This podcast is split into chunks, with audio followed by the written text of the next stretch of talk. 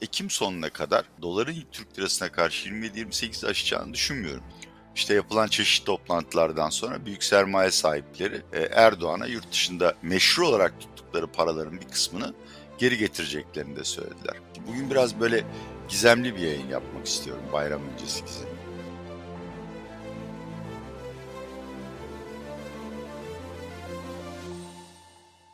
Atilla Bey merhabalar. Merhabalar sevgili Sinan. Bu hafta Semih'in yokluğunda ben sizlerle olacağım. Nasılsınız? İyiyim. Herhalde mesele ekonomi de artık ortodoks politikalara dönüş yapıyor. Tabii yani eski insanlardan ve eski huylardan vazgeçip yeni bir isimle, güven kazandıracak bir isimle biraz daha atılgan bir yayın politikası izlemeliyiz. Ben elimden gelen desteği esirgemeyeceğim. Sağ olun. Sadeleşme ve normalleşmeye gitmeye çalışıyoruz. Liralaşma yürümedi çünkü. Atilla Bey isterseniz hemen Merkez Bankası ile başlayalım. Siz faiz kararını nasıl değerlendirdiniz? Artış miktarı yeterli midir? Bir de tabii ki kademeli bir sürece girmiş gözüküyoruz. Ne kadar etkili olur? Şimdi böyle elden geldiği kadar yüzüme bir tereddüt ve temkin havası e, getirmeye çalışıyorum. Çünkü ben prensip olarak ilk 6 ay yeni ekonomi yöneticilerini eleştirmem. Dolayısıyla Mehmet Şimşek ve Gaye Erkan'a da elden geldiğince destek vereceğim. Ama şöyle meseleyi ortaya koyayım. Daha doğrusu cevabı izleyicilere bırakayım. Bugün biraz böyle gizemli bir yayın yapmak istiyorum bayram öncesi gizemi.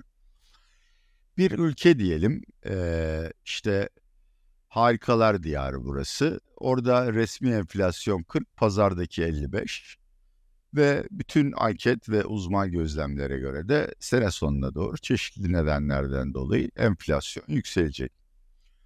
Bu ülkede enflasyonu engellemek için %15 politika faizi yeter mi? Ve bir de şey verelim hani harf veriyorlar ya böyle bazen ne o yarışmalarda ben bir harf istiyorum diyor falan onu da söyleyelim. Eğer geleneksel ekonomi kurallarını uygulayacaksak trend enflasyon ki şu anda 43-47 arasında bir yerde göstergeye göre. Üstünde bir faiz belirlemezseniz enflasyona karşı etkili olmuyor.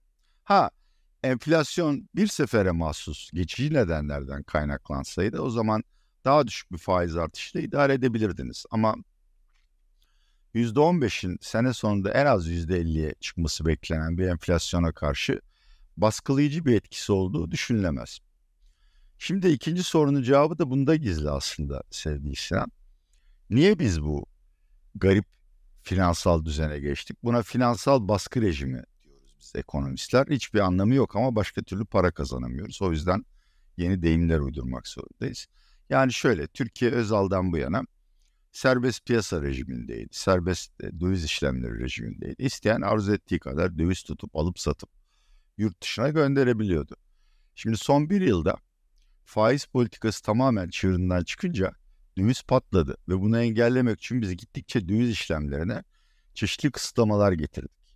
Bununla da yetinmedik. Banka bilançolarını tahrip edecek ölçüde bankaların karlılık ve risklerini etkileyebilecek başka kısıtlamalar getirdik. İşte mevduatının %60'ı TL olacak. Yok e, ne bileyim şu, şu miktardan döviz satamazsın, şu döviz kurundan satamazsın şu kadar menkul kıymet alacaksın, şu krediye şu kadar faiz edeceksin. Şimdi birincisini ortadan kaldırıp faiz politikasını enflasyon ve döviz kurunu dengeleyecek bir seviyeye getirmeden ikinci kısıtlamaları da kaldıramazsınız. Dolayısıyla aşırı kademeli bir, aşırı eskilerin deyimiyle tedrici bir başlangıç yaptık. Tabii ki iki noktadan dolayı çok da karamsar olmak istemiyorum. Bir, herkes hata yapar. Belki Sayın Erkan ve eğer Mehmet Şimşek'le istişare ediyorsa kendi kafalarında başka bir oyun planı vardı. Ona göre düşük bir faizle bekleyip başlayıp daha yüksek faize çıkmak istiyorlardı. Ve hatta onların enflasyon e, beklentileri bizden farklıydı vesaire. Dolayısıyla piyasaların beklentisini tatmin etmeyen bir karar aldılar. Piyasaların beklentisini tatmin etmek de merkez bankaları ve devletin görevi değil bu arada ama sizin sorununuz döviz kurunu kontrol etmek, bu vasıtayla enflasyonu yatıştırmaksa o zaman döviz kurunun hareketlerine karşı yaptığınızı yanlış olduğu ortaya çıkar. Peki ne yapacaksınız? Bundan sonra iki yolunuz var. Birlikte de izleyebilirsiniz. Birini veya ötekini de önceleyebilirsiniz. Bir, derhal güçlü bir iletişim stratejisine geçersiniz. Yani piyasaları yatıştırırsınız. Sabırlı olun. Biz başlangıç yaptık. Mesela şunu diyebilirsiniz. ne bankaların ne kobilerin çok yüksek bir politika faizini kaldıracak hali yok. Dolayısıyla yavaş yavaş gideceğiz. Yani kurbağayı ısıttıktan sonra yiyeceğiz. Soğuk suya ısıtıp koyacağız ısınacak. İstakoz neyse sen anladın ne demek istediğim. Bize güvenmenizi ve sabırlı olmanızı rica ediyoruz. İkincisi bundan sonraki PPK toplantısında bir bu kadar daha faiz arttırımı yapıp icraatınızla piyasalara enflasyonla mücadele edeceğine dair daha somut mesaj vermeniz lazım. Bunlar hala yapılabilir. Beni iki nokta e, kafamda soru işaretleri yaratıyor. Bir, belki de döviz istikrarsızlığı ve bu vesileyle oluşan enflasyonla mücadele aracı faiz değil. Dikkat edersek başta Hande Fırat olmak üzere e, çeşitli hükümete yakın basın kaynaklarından Körfez'den 30-40 milyar dolar sermaye gelecek ve bu daha ilk işaret fişeği. Arkası var sözünde mealde haberler yayınlanıyor. Bir de ayrıyeten bunları miktarı bulmasam da haberi gerçekçi buluyorum.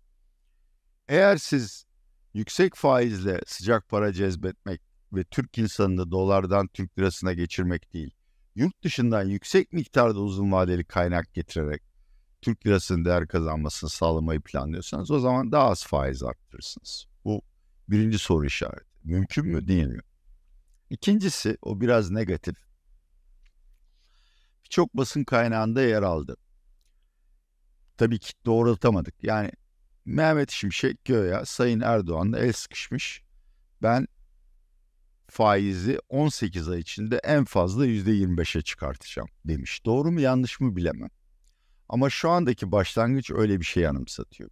Şimdi birinci haber yani körfez parasına bel bağlayarak ekonomide pek çok aktörün canını yakacak yüklü faiz artışlarını geciktirmek makul bir senaryo. Nasıl olsa yazın Türkiye'ye bol miktarda döviz giriyor, idare ederiz ciddi bir sıkıntı yaşamadan. Enflasyonda mevsimsel nedenlerden çok düşmese de fazla yükselmeyecek. Ama ikincisi ise yani Sayın Mehmet Şimşek şu veya bu nedenle Erdoğan'a faizde tepenin 25 olacağını vaat ettiyse o zaman bu program çöker. Çünkü ne bugün ne 6 ay sonra ne 1 yıl sonra enflasyonun %25'in altına düşmesi diye bir şey söz konusu değildir. Atilla Bey bugün Bloomberg'de bir haber vardı. Hükümet yabancı kaynak girişinin başlamasıyla KKM'den adım adım uzaklaşacak deniyor. Körfez parası sizin işaret ettiğiniz gibi politika faizi 25'i geçmediği takdirde KKM'den adım adım uzaklaşmayı yaratacak bir miktara ulaşabilir mi? Valla bunlar çok güzel e, ve biraz da birbirinin içine geçmiş girif sorular. Müsaadenle kafam bastığı kadar teker teker cevaplayayım. Bir, KKM en az sosyal güvenlik açığı ve erken EYT emekliliği kadar bütçeyi batırma potansiyeline sahip bir dinamit lokumudur. Bir an önce tasfiye edilmesi gerekir. Ee, ama nasıl tasfiye edeceksiniz? Çünkü orada 120 milyar dolar birikti. Bunun takriben üçte biri bireysel yatırımcılara ait. Onları tasfiye ederseniz dolara dönebilirler. Kurumsal yatırımcılardan korkmuyorum. Onlar hükümetten bir telefon alırlar, TL'de kalırlar. E, bu piyasa, bu paranın dövize çıkmaması lazım. Ne yaparsınız? Birincisi daha önce konuştuğumuz gibi faizi 50'ye falan çıkartırsınız. Niye 50 diyorum? Çünkü mevduat faizi zaten 40. 40 mevduat faizi ekonomide en yüksek faiz. Döviz talebini bastıramadığına göre demek ki döviz talebini bastırmak için daha yüksek faize ihtiyacınız var. 50. Ya bunu yapacaksınız ya yurt dışından ciddi para gelecek. Ee, ikincisi şimdi bak bunlar makul tamam mı? Ne yaparsınız? Ee, savunma sanayi, bence gıda sanayi, turizm. Hatta hükümet yalanlasa da işte çok kıymetli kamu şirketlerimiz var. İstanbul Havalimanı'nın adı geçmiyor ama BOTAŞ'tan Türk Telekom, Turkcell'e kadar bunlardaki bir miktar paylar Arap yatırımcılara satabilirsiniz. Bu Arapların petrol zenginliğini e, başka alanlara yatırma stratejisi de destekler ve besler. E, ama bir, bu para öyle çabuk gelmez. Bütün bu işlemlerin yapılması yani tetkiklerin yapılması, due diligence dediğimiz gerçek fiyat belirlenmesi, pazarlık, SPK'dan işte rekabet kurumları izin falan nereden bakarsan bir yıl konuşuyoruz. Bizim ise döviz kurunda istikrar sağlamak için bir yılımız yok. Dört ayımız var. Ekim sonu turist gider, döviz patlar. Dolayısıyla işin o boyutu biraz kafa karıştırıcı. En son sorun çok güzel sorunun en son. %25 faize rağmen gelirler mi? Gelebilirler. Şöyle bir teori. Bu tamamen Atilla Bak söylüyorum yani lütfen beni mahkemeye falan vermesinler. Siz de kayıtları hemen savcılığa teslim etmeyin ya. Allah rızası için ya. Bir iki üç gün bekleyin sonra teslim edin. Şimdi şöyle bir teori var kafamda. Mehmet Şimşek'le Gaye Erkan niye göreve geldi? Niye bu soruyu soruyorum? Çünkü seçimin öncesi son güne kadar Sayın Erdoğan yemin billah NAS'tan ve yeni ekonomi modelinden vazgeçmeyeceğini söylüyor. Hatta CNN'e çıktı. Bütün dünyaya bağıra bağıra ilan etti. Niye birden fikir değiştirdi? Belki de seçim kazanmasında büyük paya olan işte Rusya, Azerbaycan ve Körfez ülkeleri dediler ki ya para mı istiyorsun, mali destek mi istiyorsun, yatırım mı istiyorsun hepsine tamam. Ama böyle olmaz. Biz ilk önce senin ekonomiyi batırmayacağına ikna olmamız lazım. Bunun en güzel yolu da işte Mehmet Şimşek'i tanıyoruz. Gaye Hanım'ı da bazı Arap şeyhlerinin geçmişteki e, iş faaliyetlerinden dolayı tanıdığı iddia edilir. Bu kişileri getir. Burada o zaman mühim olan faiz değil, işin başında bir anlamda kayyum olması. O kayyumun görevi de 25 yetmezse 40'a çıkarız şeklinde olacak. Dolayısıyla o kısmına bir itirazım yok. Evet eğer Körfez'den sen soruyu şöyle sorsan Atilla 6 ay içinde 40 milyar dolar girecek bu ülkeye. 16 faiz 16 değil 25 diyelim. Ona 16 hiçbir şey yetmez. 25 faiz Türkiye'yi idare eder? Evet eder diye. Siz olsanız KKM sorununu en yumuşak şekilde nasıl çözersiniz?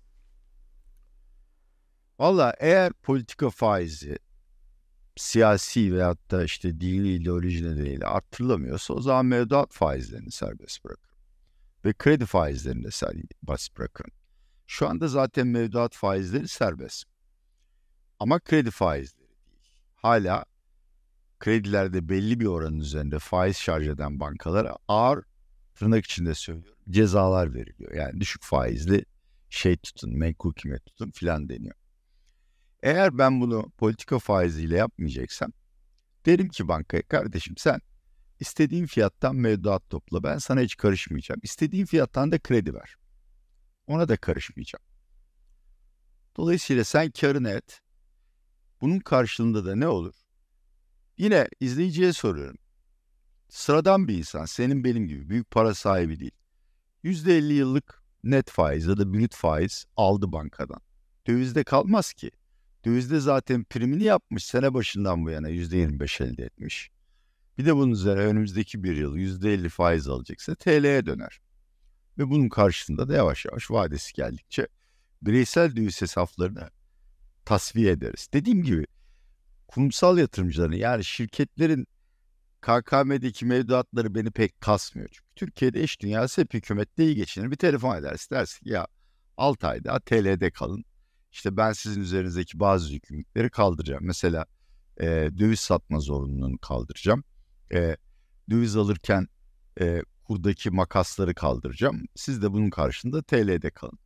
Sorunu bu şekilde halledebilirsiniz. Peki bunun yer etkisi ne olur? Bunun yer etkisi Türkiye'de kimse kredi bulamaz. Çünkü mevduat faizi 50 ise bunun üzerine işte muzam karşılıklar, vergiler, bankanın karı vesaire bilecek derken 60'ın altında kredi bulamazsın. Aa, büyük şirketleri kasmaz. Onlar zaten ya kredi kullanmıyorlar ya kendi maliyet hesaplarını ona göre yapmışlar. Ama kobiler çok ciddi dayak yer. Ondan da kötüsü. İpotek yani konut piyasasını öldürürsünüz. Ve üçüncüsü işte kredi kartı faizleri şimdiden artmaya başladı. 1.90'a kadar yükseldi aylık. Orası 4'e falan çıkar. Bireysel kredilerinde kökünü kazırsınız. Özetle bu işi yapmanın bir tek yolu var. O da şu. Vatandaşa bundan sonra öngörülebilir vadede Türk lirası varlıkların cazip reel getiri getireceğini bir şekilde anlatabilmek. Bunun en basit yolu da yüksek faiz verirsin. Yok yapamıyorsan bir kez daha iletişim stratejisi. Bunu sanırım bir önceki yayında da söyledim. Bu çok önemli. Sayın Erdoğan burada çok büyük fırsat kaçırıyor. Bu adam Türkiye'de %52 ile seçim kazanmış. Türkiye'nin en popülerleri çıkıp söylemesi lazım. Ben bu programın sonuna kadar arkasındayım. Tamam Nas var ben ona inanıyorum ama benim ilk görevim vatandaşıma verdiğim sözü yerine getirmek. Yani enflasyon tek haneye indirmek. Bunun için de bazı şeylerden taviz vereceğiz. Ben de bazı fedakarlıklar yapacağım. Siz de yapacaksınız. Arkadaşlar mecburuz. Para politikası ve bütçe politikası enflasyon düşünceye kadar asla hedeflerden sapmayacak. Bunu söylese bence faizdeki artırımın da yarısını e, bu şekilde iletişim stratejisiyle halledebilir. Siz o zaman önümüzdeki aylarda dolar TL'de bu rekorların devam etmesini beklersiniz. Yok çok da fazla beklemiyorum açıkçası. Yani tabii ki hani kısa vadede ne olabilir bilemem. Yarın bir kötü haber gelir 30 olur. İyi haber gelir 24'e düşer. Çünkü Hı. piyasa çok sığ. Yani satıcı pek yok. Ama ben çok daha fazla yani Ekim sonuna kadar doların Türk lirasına karşı 27-28 aşacağını düşünmüyorum.